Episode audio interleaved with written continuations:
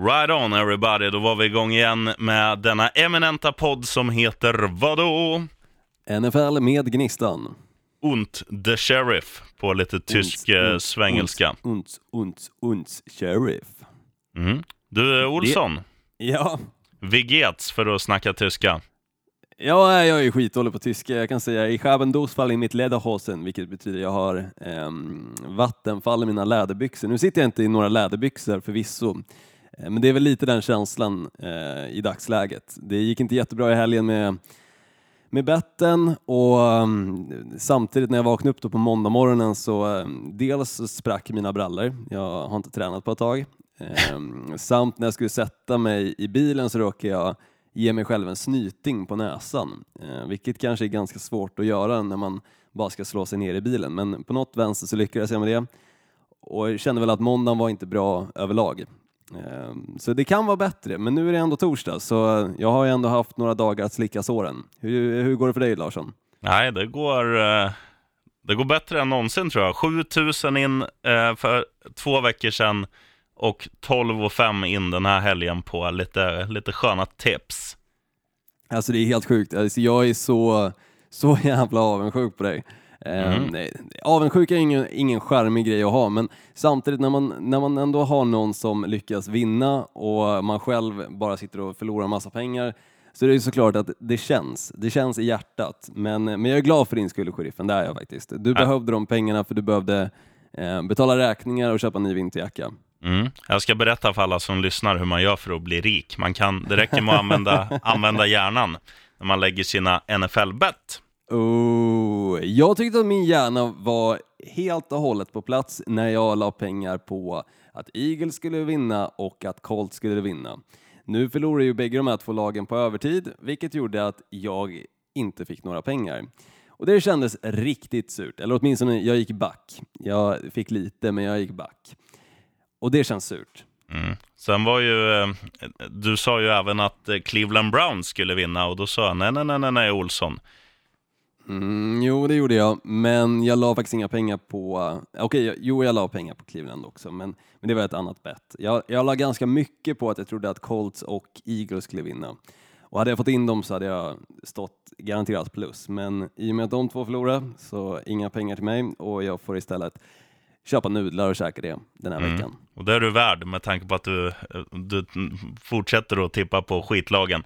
Eh, som sagt, under det här avsnittet så kommer vi reda ut hur du ska spendera dina stålar. Du ska få lite nyhetsuppdateringar runt om i ligan. Du ska få ett matigt svep. Eh, och där får du direkt efter vi har kört introt. Här kommer det.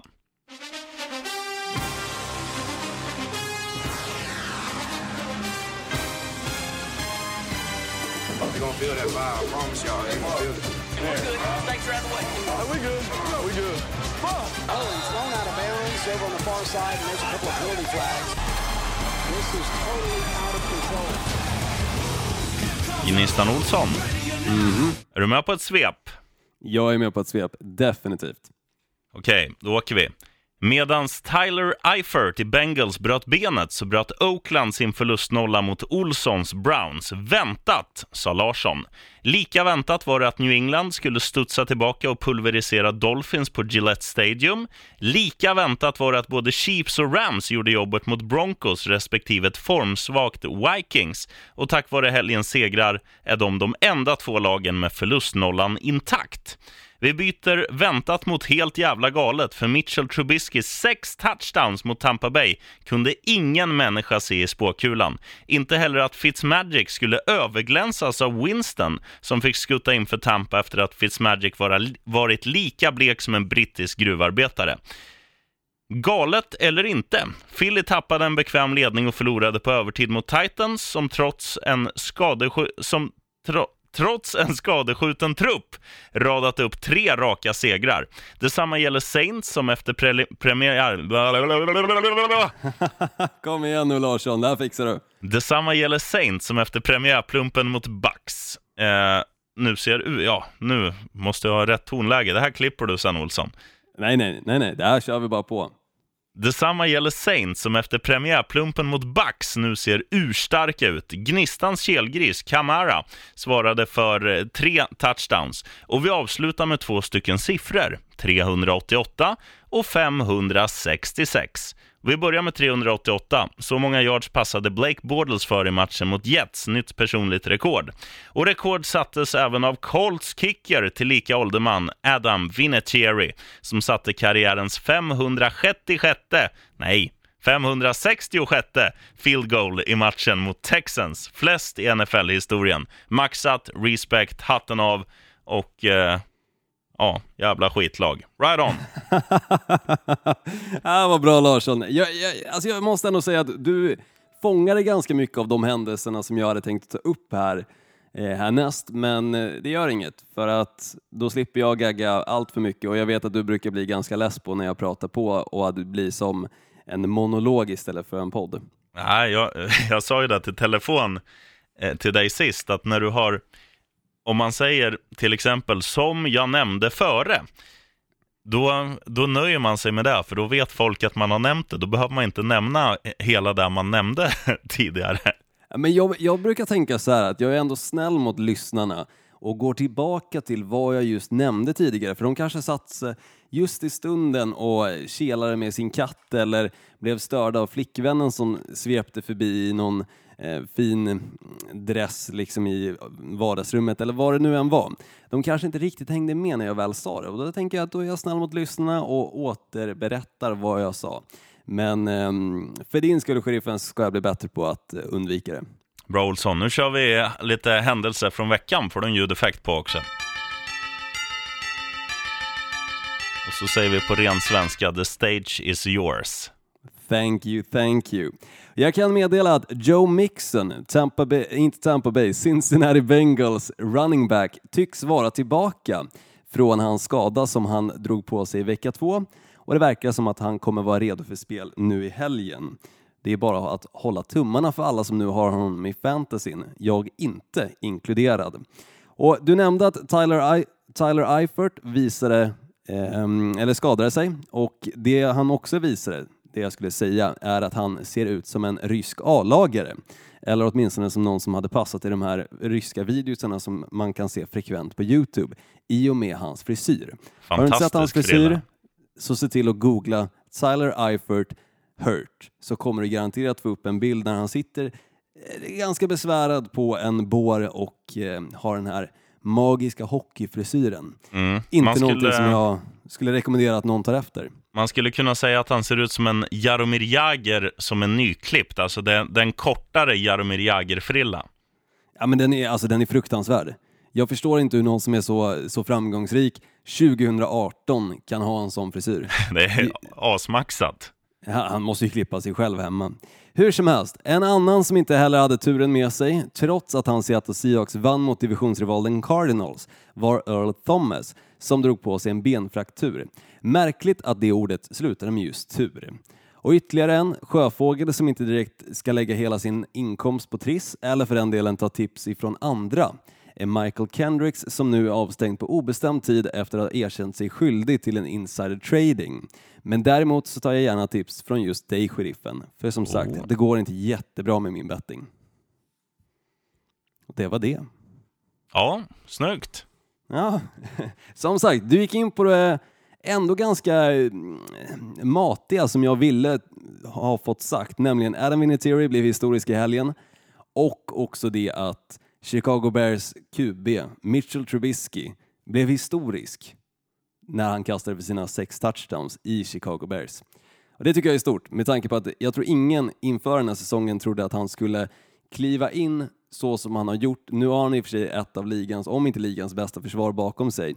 Men att han kommer med så stort självförtroende och vågar mot ett Tampa Bay Buccaneers som ändå har visat sig vara blyvassa den här säsongen och bara lever ut sin dröm om att ja, bli den bästa kuben i Chicago Bears. Om det är nu någon som har det som dröm. Ja, nej, men de, de är coola, Chicago Bears i år tycker jag. De är ju, alltså man, vi har ju så länge vi har gjort det här klassat ja, om vi skulle få säga fem skitlag som man inte ser något ljus i tunneln för, då hade, har väl Chicago alltid varit på den listan fram tills Mitchell Trubisky och Khalil Mack har liksom transformerat det där laget från en ful ankunge till, i alla fall, kanske inte en svan ännu, men en anka. Ja, definitivt. Alltså, det, är en, det är en fin anka att kolla på. Ja. Och det är dessutom roligt att kolla på Chicago Bears, för förra året var det inte kul. För de var tråkiga bakåt, då, det var även poängsnåla matcher då. Men deras försvar hade ju inte en spelare som Khalil Mack, vilket de har nu, som gör försvaret roligt att se. För att han är en explosiv, otroligt potent spelare och kan lyckas med det mesta. Jag tror att de senaste fyra matcherna nu som är spelade så har han lyckats med en forced fumble och en sack i varje match. Och det är galet. Mm. Och den hade jag ju med på min kupong också, att Khalil Mack skulle göra en sack. Det var ju lugnt. Ja, det är ju nä- nästan lika säkert som förra säsongens att eh, Alvin Kamara skulle göra en touchdown. Mm.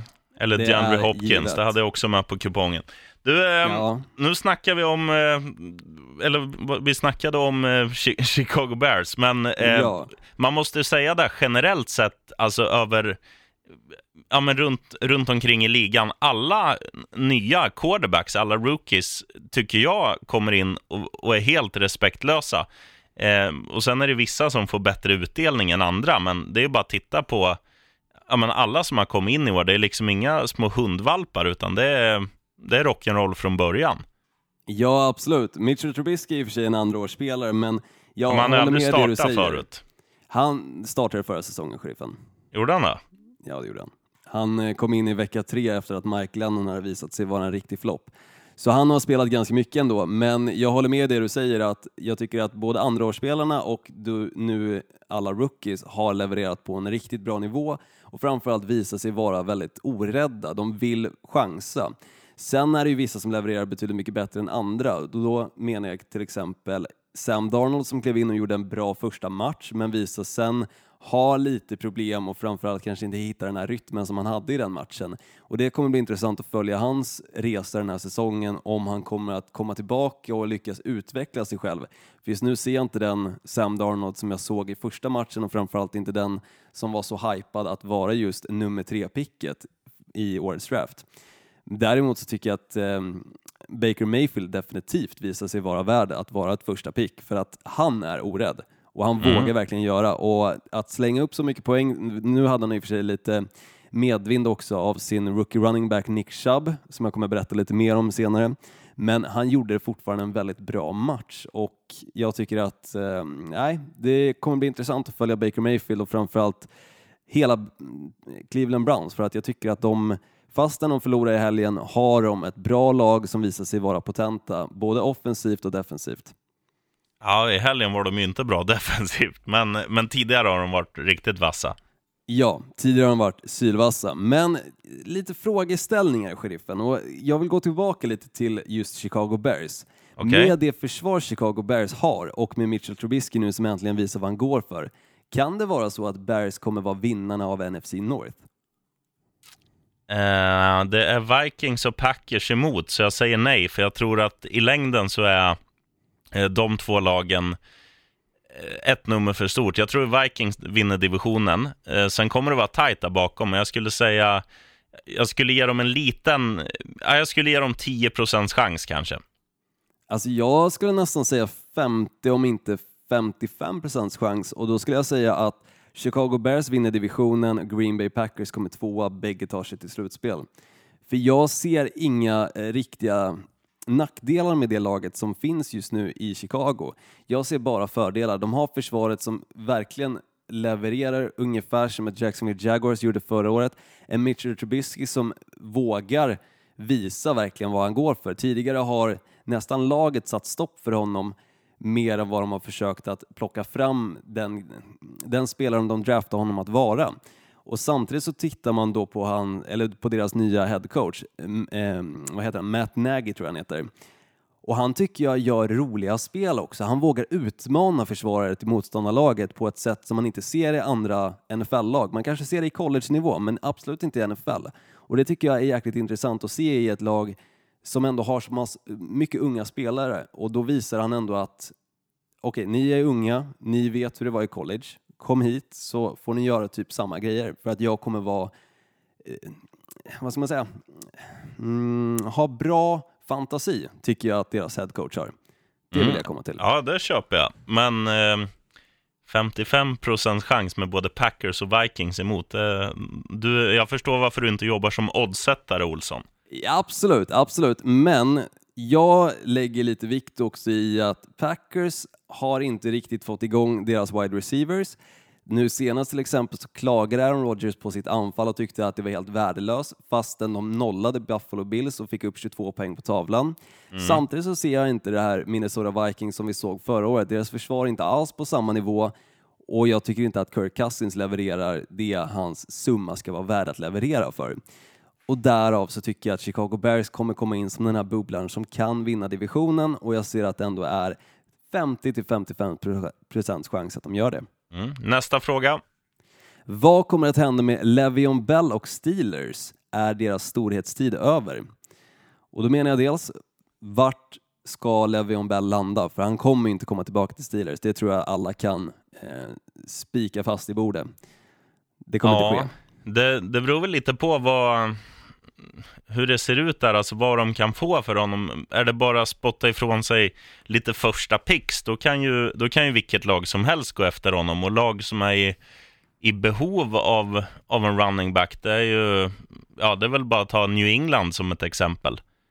Men där tycker jag ändå Sony Michel, deras rookie running back, har visat sig vara en spelare som passar bra i New England Patriots anfall och också gjort det bra de senaste två matcherna.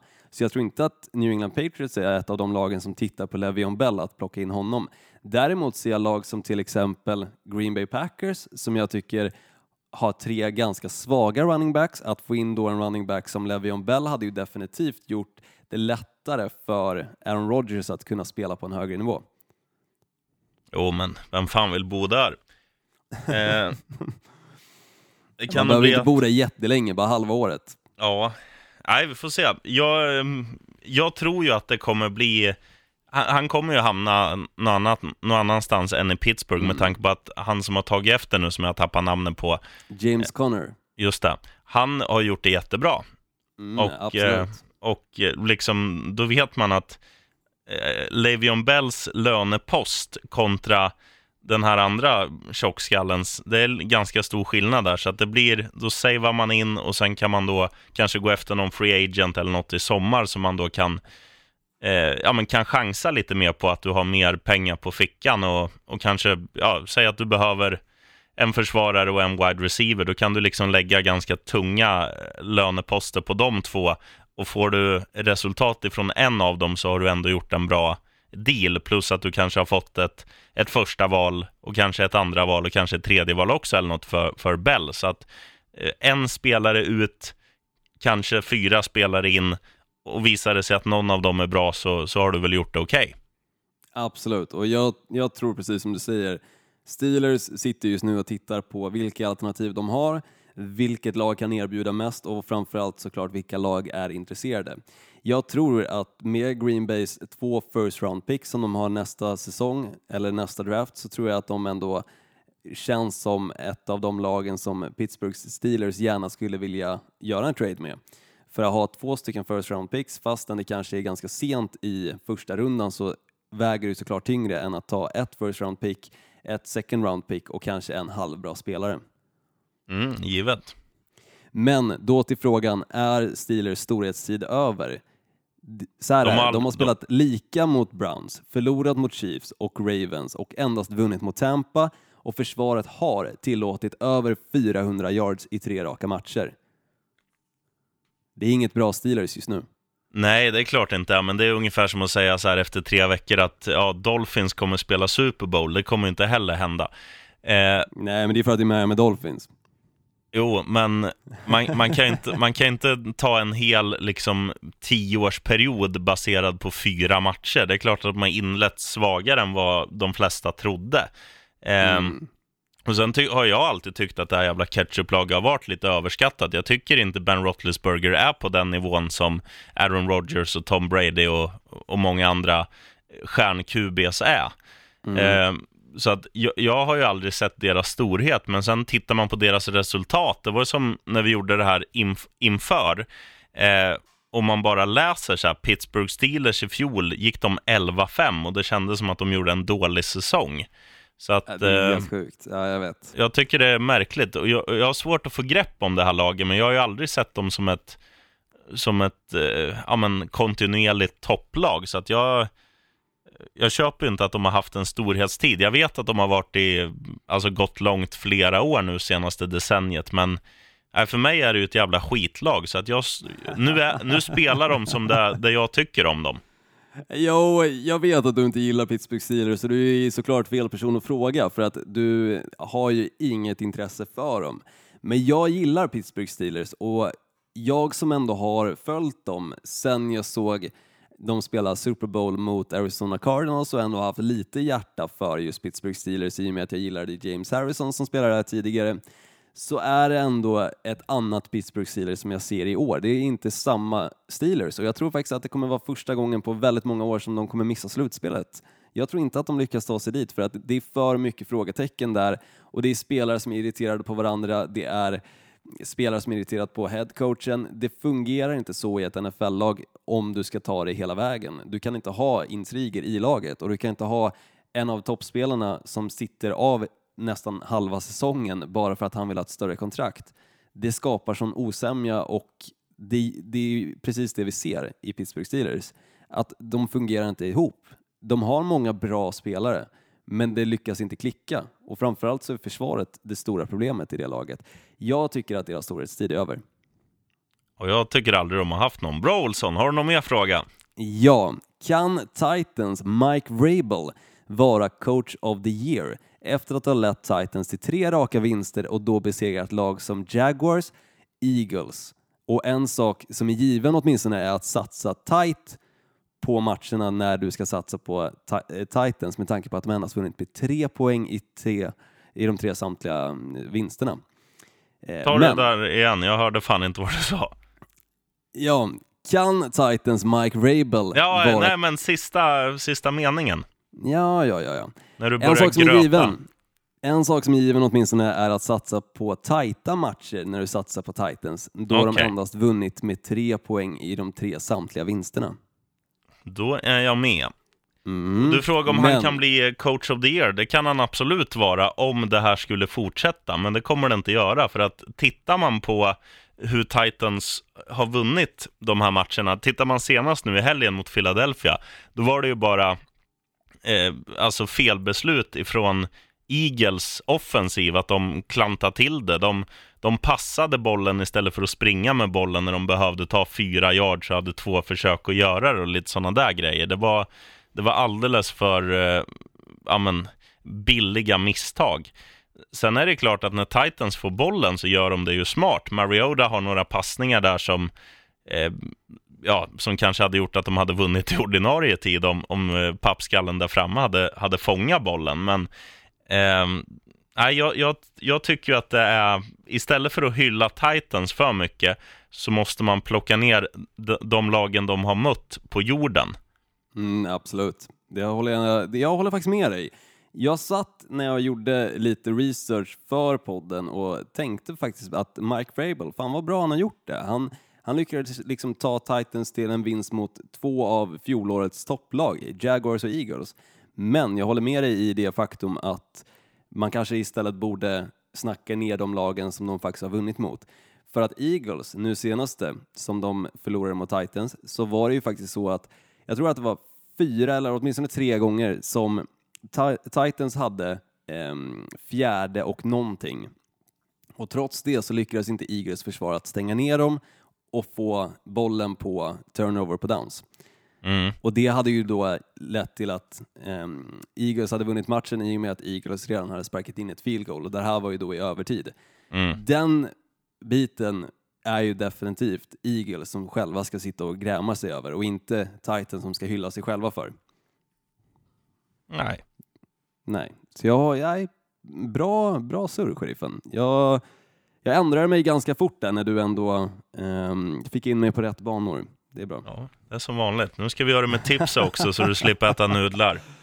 Ah, innan vi gör det Sheriffen, Ja, så vill jag bara gå in lite snabbt på rookie-kollen. Så Ja, varsågoda. innan vi snackar om matcherna så har du koll på vilka rookies som levererade åtminstone vecka fyra. mm, Då vill jag ha varsågoda. en, som en liten lista som börjar på tre. Ja, då får du hänga kvar här, för jag gör det här med vänsterhanden. Oh, jag för misstänker framför att du mig... inte sitter hemma och runkar med vänsterhanden om du inte lyckas klicka rätt på musen. Jag sitter med ett, med andra ord, där jag har lagt mobilen på så att den ska vara eh, nära Bra munnen, så att, du mig. hör, Mm. så att du hör mig. Nu kör vi! Här kommer trean. Yes. Saquon Barkley, running back i New York Giants, som draftades second overall, hamnar alltså på tredjeplatsen på rookie-kollen. Han hade 44 rushing yards på 10 försök och en touchdown, samt 56 receiving yards på 6 fångster och hans touchdown var ett bevis på hur atletisk Barkley är. Han kastar sig över som en missil över mållinjen och även Giants försvarare. Helt klart värd den platsen. Nummer två. Och då är det Calvin Ridley, quarterback i, eller va- varför har jag skrivit quarterback? Han är ju för fan wide receiver. Wide receiver i Atlanta Falcons är jag såklart. Jag hade tagit något glas vin igår när jag satt och skrev där. Han draftades 26 overall och han hade fyra receptions för 54 yards med ett average på 13,5 per catch. Och det kanske inte låter jätteimponerande, men han hade två touchdowns också och leder just nu ligan med sina sex touchdowns på en receiver. Det är stort och det är därför han hamnar på andra platsen. Ja, det är ballt. Plats nummer Och där är alltså Nick Chubb, running back i Cleveland Browns som draft, draftades 35 overall. Han hade 105 rushing yards på tre försök och två touchdowns med en average på 35 yards per carry. Det är galet. dåligt försvar av Oakland. Ja, visst, det kan man säga, men det är ju så snyggt att han ändå liksom för en gång skulle visar upp sig. Jag har inte sett mycket av Nick Chubb. Jag har velat se mer av honom och vi har fått se väldigt mycket av Carlos Hyde. Vi har fått se- sett en del av Duke Johnson, men inte jättemycket Nick Chubb och jag tror han kommer få mer speltid nu när han ändå visar hur explosiv han kan vara. Tre försök, 105 yards, två touchdowns. Det är grymt. Mm. Jag gillar det. Och det var rookie-kollen för denna vecka. Du, då går vi in på matcherna då, Olsson. Det tycker jag. Då ska vi byta ljudbank och sen ska vi trycka här. Eh, där din gamla slöjdlärare säger följande. You stupid. What's 9 plus 10? 21. You Olsson stupid. skulle göra en smörkniv men gjorde en moraklocka. Men var, varför skulle min slöjdlärare prata om mig med att jag inte kan matte? Det förstår jag inte. Ja, Det är väl inte så du, mycket matte i att göra slöjd. du gick på fel lektion. Ja, okej. Eh. Jag gick på slöjden och trodde att det var matte. Men... Ja. Vilken match eh, ser du fram emot mest och tror ska bli mest underhållande kommande helg, Dr. Olsson? Ja, men jag tror Jacksonville Jaguars borta mot Kansas City Chiefs. Alltså fjolårets mest potenta och framgångsrika försvar möter årets farligaste anfall med andra årskuben Patrick Mahomes i spetsen som ännu inte förlorat en enda match som starter. Och så här är det, äntligen har Jaguars fått igång anfallet, det visar de i förra matchen. Och Visst, de mötte i och för sig New York Jets, men de har ändå fått igång anfallet. Samtidigt har inte Chiefs visat sig ha ett försvar, utan spelar som Falcons gjorde för två år sedan. Dock så ledde det faktiskt till att Falcons tog sig till Super Bowl det året. Men om det finns någonting som ska sätta stopp för Chiefs segertåg så tror jag faktiskt att det kan vara Jacksonville Jaguars. Och samtidigt så är ju Leonard Fournette borta mest troligen från matchen och sjukt nog så spelar ju Jaguars bättre utan honom och de blir mindre förutsägbara samt att Bortles är vassare då. Så jag ser att det här kommer definitivt bli den här helgens mest serierika värld. Serierika, sevärda match. Det här gick inte bra att snacka. Ja, så, punkt för mig. Ja, det är skön så.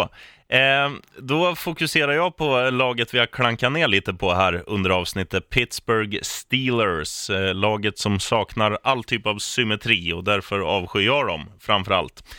Eh, de eh, har ju gått väldigt knackigt. De har vunnit en match, de har förlorat två, de har spelat en oavgjord. Möter ett annat lag som på pappret ska vara ett av topplagen, men som också underpresterat. Eh, Atlanta Falcons som står på 1-3. här är ju, alltså det laget som förlorar den här matchen, eller framförallt om det blir Atlanta som förlorar, så kan man ju räkna bort dem från allt som heter slutspel att göra, mer eller mindre. Mm, Mm, nej, jag vet inte om jag håller med dig, sheriffen, med tanke på att Atlanta Falcons ändå fått upp mycket poäng på tavlan. Och då snackar jag om väldigt mycket poäng på tavlan, men deras försvar har ju inte lyckats prestera. Men det här är alltså, det blir ju fem, femte matchen och har du förlorat fyra av fem matcher, nej, då har du, då har du nästan knappt en teoretisk chans. Och, och, ja, det är klart du har en teoretisk chans, men du kommer ju möta tuffa lag in på snöret. Så att jag säger att det laget som förlorar den här kan eh, boka golfbanan redan nu. Mm. Ja, jag håller med dig. Och sen, är det ju, det laget- sen är det ju kul för att det är två, två lag som spottar in poäng allt som oftast. Är Ben Roethlisberger som, ja, han passar ju, han gör ju mycket spektakulära grejer, ibland spektakulära grejer som, som är i motstånd, eller som gynnar motståndarna, att han passar till dem istället. Så att det, det blir Mhm. jättekul att, att se det här tycker jag, med två eh, gunslingers. Men medan vi är inne på ämnet Atlanta Falcons, Pittsburgh Steelers, kan inte du trycka på knappen om skrällen då? Eh, det kan vi. Shocking. Positively shocking. För jag tycker nämligen så här, sheriffen, att med Falcons livsfarliga receiver-core med Ridley som är hetare än Megan Fox i Transformers, Sanu nu ser det ut som att han kan springa genom försvaret och han gör det snarare än att faktiskt springa förbi dem. Och Jones som kan ge en stiff arm som är hårdare än en tonårings morgonstånd så tror jag faktiskt att Steelers kommer ha det tufft. Och jag ser att Atlanta Falcons kommer köra över ett Pittsburgh Steelers som har släppt in 400 yards. Över 400 yards ska jag säga, de senaste tre matcherna. Jag tror att Atlanta Falcons kommer ha kul i helgen och dessutom så lutar det åt att Devonta Freeman är tillbaka. Det kommer vara en offensiv match för Atlanta Falcons del och en tung match för Pittsburgh Steelers. Jag tar den som skrällen för att just nu så står Atlanta Falcons i 2,33 gånger pengarna. Mm, här står det med 2.46 till och med. Oh, vilken eh, sida. Du kanske Odds. får skicka det efteråt. Mm. oddsportal som jämför alla odds. Så att alla som ska lägga singlar eh, kan gå in och titta där, vart man får bästa odds. Det är ett litet tips från coachen. Smooth. Nej, Eh. jag säger åtminstone det. Jag, jag, tror, jag tror faktiskt att Atlanta Falcons eh, kommer vinna den här matchen, för jag eh, ser att de har ett mycket stabilare lag och framförallt så spottar de upp mer poäng än vad Pittsburgh Steelers gör och Pittsburgh Steelers släpper in väldigt mycket mer poäng än vad Atlanta Falcons gör. Jag tror att Atlanta Falcons har det lätt. Och vet du vad man gör då, Olsson? Nej, Nu ska vi gå in på den här- kebab. Nu ska vi gå in på den här tipsskolan som jag berättade om tidigare idag. Mhm. När, man, när man säger sådär, att jag tror, då ska man inte tro, utan man ska veta. Och där man vet om de här två lagen, det är att det är två lag som gör mycket poäng. Lägg ett överspel, spela att det blir över 50 poäng, då får du liksom mer eller mindre samma pengar som du får på att Atlanta vinner. Och då behöver du bara sitta och hoppas på en rolig match med mycket poäng istället. Smart, det är helt rätt. Jag Mm. kommer rygga den sheriffen med tanke på att de här två lagen har ju legat runt 30-snittet, antingen insläppta poäng eller gjorda poäng. Så eh, det kommer bli mycket, mycket poäng. Och eh, nej, det låter bra. Det bra mm. bettingskola, jag gillar det. Ja, jag tror inte det blir lika många poäng i matchen som jag hittar min skräll i. Vi, vi ska till The Big Apple, New York. Vi ska till MetLife Stadium där de gröna New York Jets möter de orangeblåa Denver Broncos. Eh, Broncos tycker jag har sett eh, bättre ut än vad jag trodde på förhand. Jag tycker att många av deras wide receivers, och också han nya running backen med nummer 30 som jag tappar namnet på, att de, de har kommit igång. Typ Emmanuel Sanders är jättebra igen och det finns, eh, det, det finns outlöst potential i deras offensiv och defensiven är ju, den är inte vass, men den är heller inte dålig.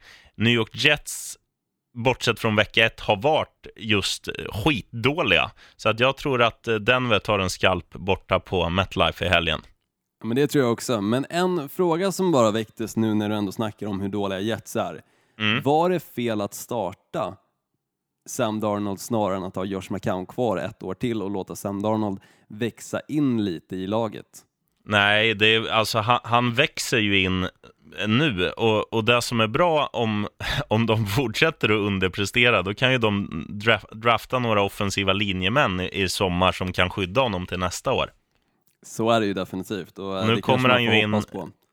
Nu blir det ju så, får du spela, då kommer du in, dels får du ju kemi med dina wide receivers. Han kan, han vet att okej, Robbie Anderson är, om vi står på 35-yardslinjen, då är han på 20-yardslinjen när jag räknar till tre och lite sådana där grejer. Det, det sätter ju sig i, i det ser man ju Tom, på Tom Brady och Gronk till exempel. De hittar ju varandra med förbundna ögon.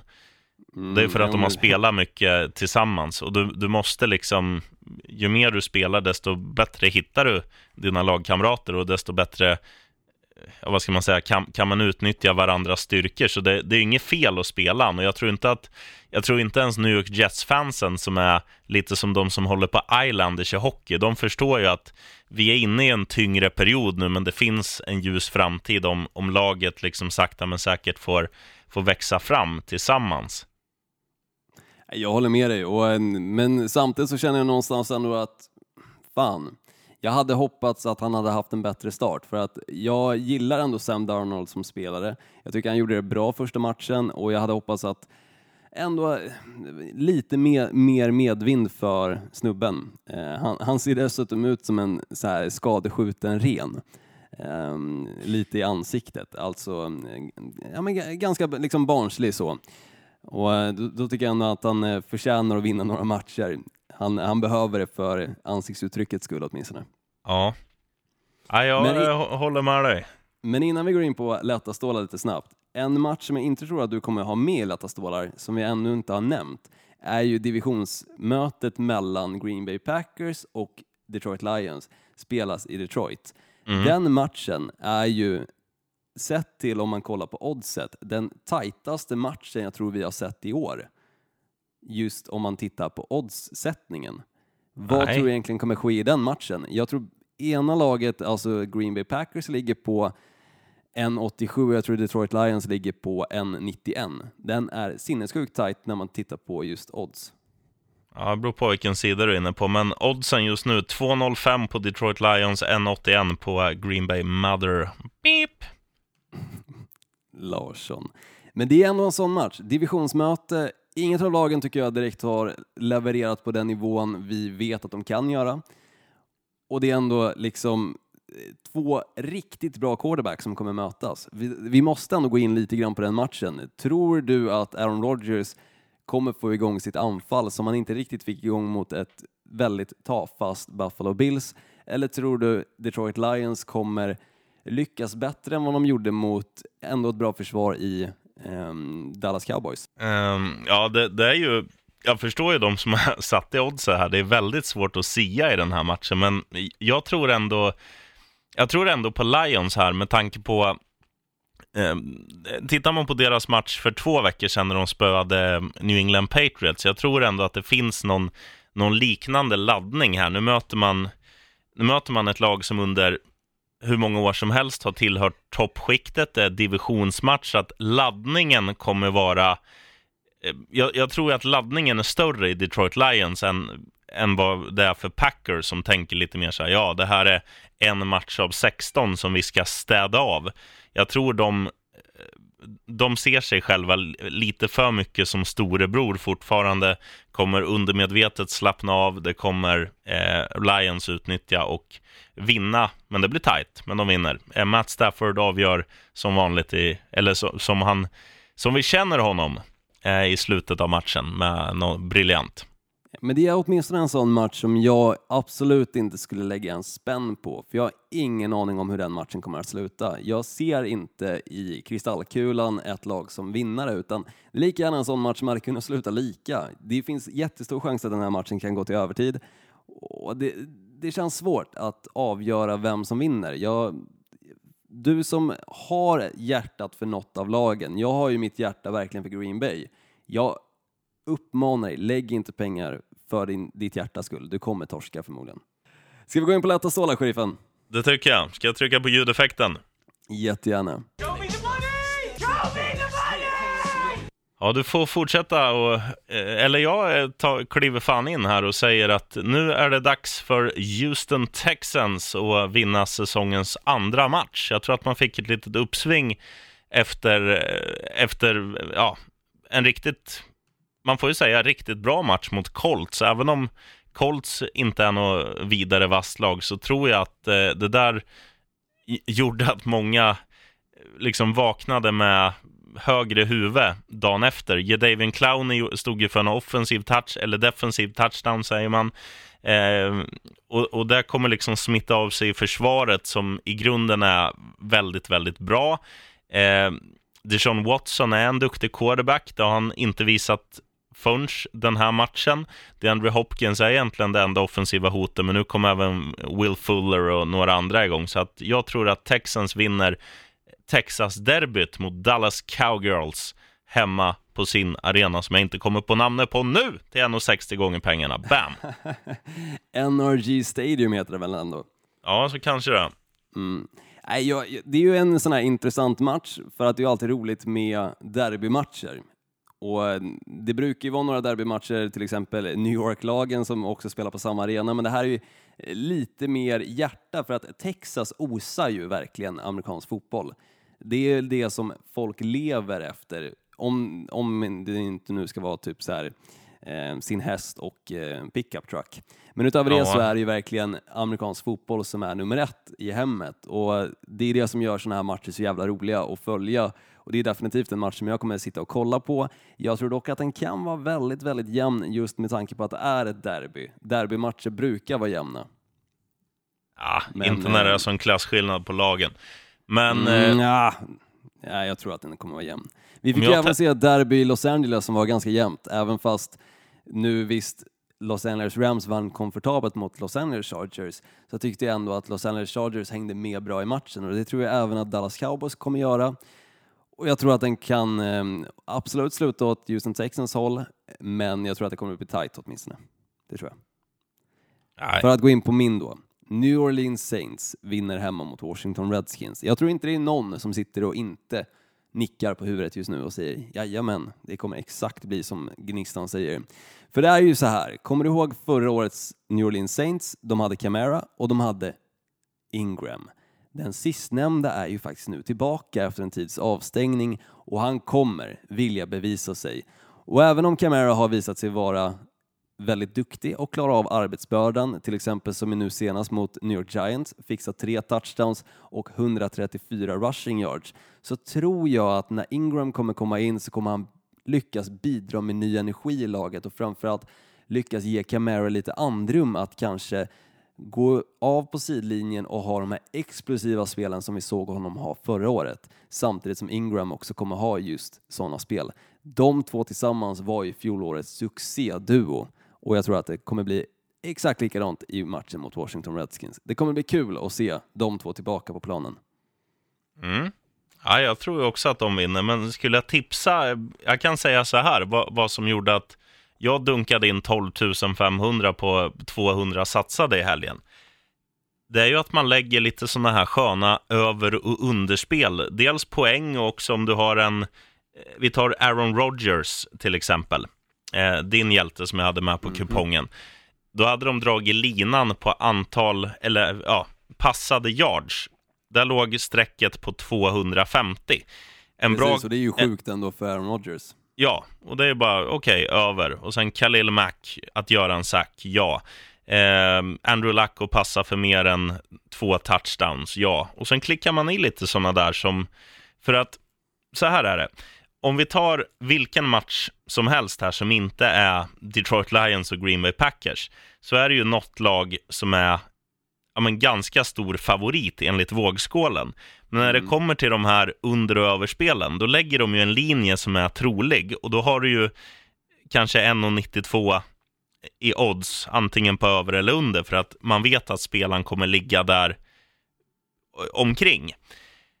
Och då har du ju om du är lite påläst och vet att okej, okay, nu möter den här kuben ett bra försvar, då kanske, det, då kanske ett underspel på antal yards är mer troligt än ett, än ett överspel. Och sen får man ju ta i paritet så här, eller i beaktning, är det någon favorit-target som, som är borta, någon wide receiver som är skadad som man brukar passa till, som man inte kan göra nu, och lite sådana där grejer och läsa på lite, då kan man då kan man faktiskt eh, göra en hel del deg på 200 satsade kronor. Absolut, så är det ju. Och eh, till exempel ett sånt bett, Nu kanske det är lite sent att satsa just på torsdagsmatchen, men om du sitter och lyssnar och det fortfarande finns lite tid kvar, se till att lägga på att Sony Michel kommer springa över det nu oddsättarna kommer sätta för att det finns en stor chans, och jag tror till och med att det kanske redan är klart, att Gronkowski inte kommer spela i matchen, vilket gör att Tom Brady kommer inte ha samma chanser att passa en helt öppen tight end, vilket brukar vara hans favorittarget. Så jag tror att Sony Michel kommer vara en väldigt stor del i den här matchen och han visade sig vara väldigt duktig i förra matchen. Det du dessutom kan göra är att lägga att han kommer över, jag tror det är 67,5 rushing tillsammans med receiving yards och det tror jag han definitivt fixar och det tror jag du får 1,80 för. Ja, Nej, det, är, det är bra. Sådana där ska man leta efter. Jag håller med och eh, det är det jag kommer göra i framtiden också. Eh, mm. Utefter hur du bettar sheriffen med tanke på att det går så bra för dig just nu. Mm. Jag måste hitta något lite flow känner jag i, mitt, eh, i min betting. Men just när vi ändå snackar om betting så är det just det här jag vill prata lite om. För jag har ändrat om den här punkten som jag haft de senaste tre veckorna, nämligen Vem där? Och då vill jag att du istället, sheriffen, ska välja en spelare eller ett lag som man ska lägga pengarna på. Och då börjar jag med frågan, vem ska man lägga pengar på som kommer göra just en touchdown den här helgen?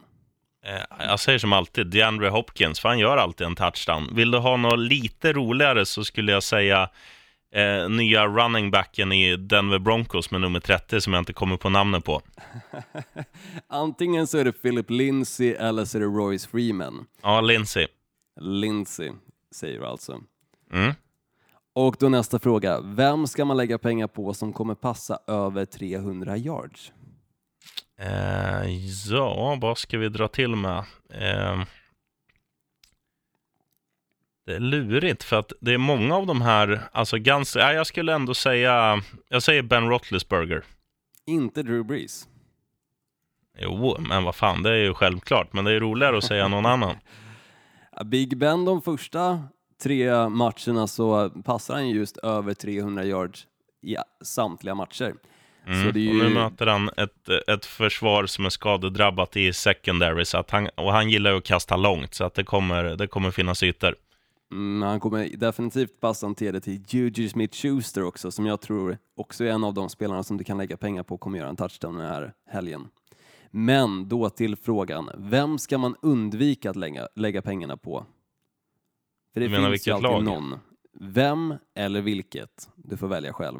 För det finns ju även spelare som kanske du den här säsongen med deras matchup inte riktigt tror kommer lyckas med det de kanske har gjort de senaste veckorna. Som till exempel nu senast i helgen när Tampa Bay Buccaneers mötte Chicago Bears så var det ju hade det varit bra att satsa under till exempel på eh, Ryan Fitzpatrick, att han inte skulle passa tillräckligt många mm. yards för att lyckas?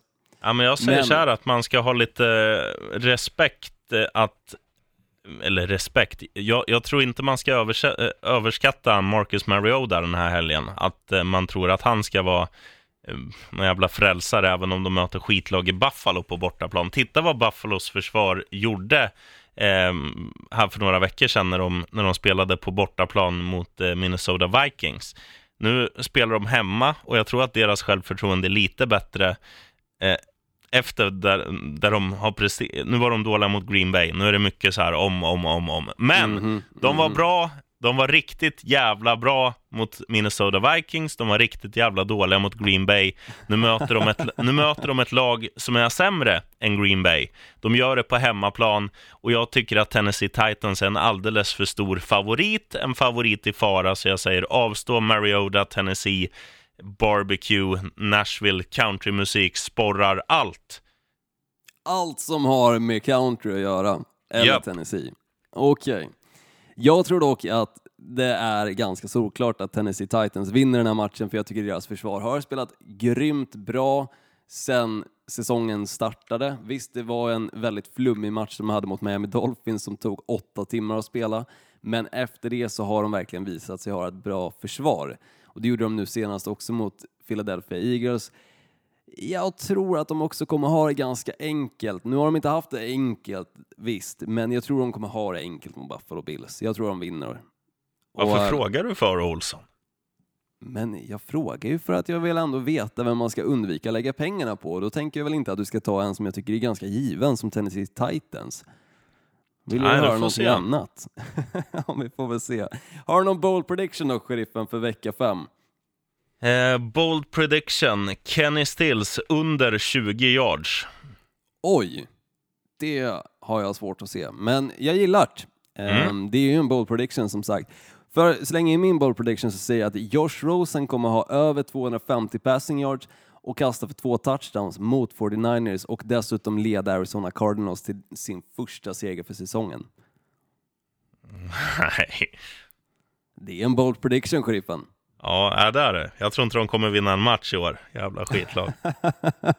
De var ändå nära mot Seattle Seahawks, det kan du inte säga någonting om. De hade matchen, de borde bara säkrat den, men det gjorde de inte. Och Josh Rosen gjorde det bra också. Jag har lite förtroende i honom, inte jättemycket, men jag tror att han ändå med lite vind i seglet kan lyckas med det jag precis nämnde. Mm, bra Olsson. Mm. Och du ser, jag nämnde inte vad jag precis nämnde heller. Nej, det var därför du fick en komplimang. Jaha, det var inte för mitt eh, utlägg. Jag trodde att jag hade gjort det bra bara. Jaha, okej då. Man kan ju inte alltid ha tur i allt. Men vi nöjer oss eh, där då, att du, att du fick ett litet Scooby-kex. Exakt. Första Scooby-kexet för denna, detta avsnitt och Jaha. det får jag väl ändå nöja mig med. Du ska få ett på Arlanda också. Vi, har vi sagt det i podden att vi ska åka och kika en match om två veckor? Nja, vi nämnde det innan säsongen drog igång tror jag. Men det är ju matchen alltså Tennessee Titans mot Los Angeles Chargers. Och för att gå in lite grann på det du snackade om förra veckan, att du hade beställt hem två stycken Danny Amendola-tröja, en i vit och en i turkos, så måste jag först och främst bara fråga, varför Danny Amendola av alla spelare? Jag tycker nummer 80 är jävligt visuellt snyggt. Jo, men det märkliga är ju att du har ju snackat upp Kenny Stills så många år och ändå så väljer du inte han. Jag förstår inte. Det gör jag ju när han blir gammal och grå. Det är de som behöver supporten. Man kan inte gå på dem. Man kan inte göra som du och supporta jävla nyfödda bebisar. Jo då, det kan man.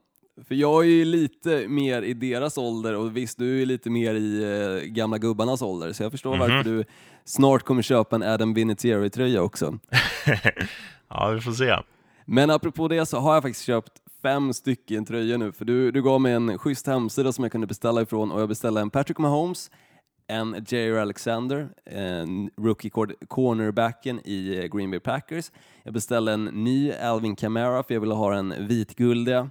Och sen beställde jag även en Melvin Gordon med tanke på laget vi då ska se. Samt så var jag ju tvungen att klicka hem en Baker Mayfield också. Det går inte Såklart. att inte klicka hem hans tröja. För det, är, för- det är nog spelaren ändå som jag, som jag känner att jag kommer snacka mest om den här, ehm, den här säsongen, om det inte redan är den spelaren som jag har snackat mest om. Det Och jag vet, vara. det är en tröja du inte har beställt, eh, som en spelare du har snackat väldigt mycket om. Vet du vem? Jag tror du menar Dak Prescott, eller? Nej, det var ju förra året. Ja, jo, det var förra året. Men en spelare som jag pratat väldigt mycket om i år, Mm, på ett negativt eller positivt sätt. positivt. Alla som lyssnar vet. Mhm. Är det Saquon Barkley? Nej, Nej, och det är inte heller Calvin Ridley med tanke på att jag började prata om honom förra veckan. nej. Nej, har jag svårt att avgöra vem det är som jag har pratat mycket om. Jag har pratat mycket om många tycker jag. Jag är duktig på att gagga.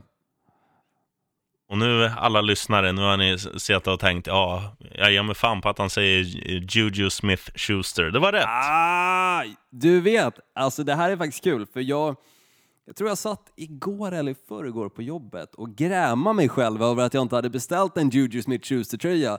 Men sen kom jag på det. Jag och sheriffen ska ju sticka iväg till London. Där kan jag faktiskt köpa en Juju Smith-Schuster. Fan vad jag gillar honom. Han är kung alltså. Nej men jag gillar Juju, hans cykel, hans swag och video när han ska demonstrera för nya rookies hur de ska göra sina celebrations i endzone. Juju är magisk. Absolut att jag kommer köpa en Juju Smith-Schuster-tröja och kanske till och med, oh det är ett bra hundnamn kommer jag på nu, kanske till och med döpa min hund till Juju. Kör hårt. Du, vad tog du för färg på Baker Mayfield-tröjan bara, så inte jag tar samma om jag skulle beställa en, eh, en, eh, liten upplaga till? Mm, nej, jag körde ju på den vita. Jag, jag är inget stort fan av den här bajsbruna färgen. Även fast jag sitter just nu på en stol som är exakt samma färg som Cleveland Browns eh, tröjor så tycker jag att den passar bättre att sitta på eller i toan än vad den passar på kroppen. Så nej, jag kör den vita. Ja, bra där Olsson. Du, nu skit, eh, sitt kvar på stolen där och skit ner dig så, så hörs vi. Ja, detsamma Larsson. Skål! Ja, right on. Right on.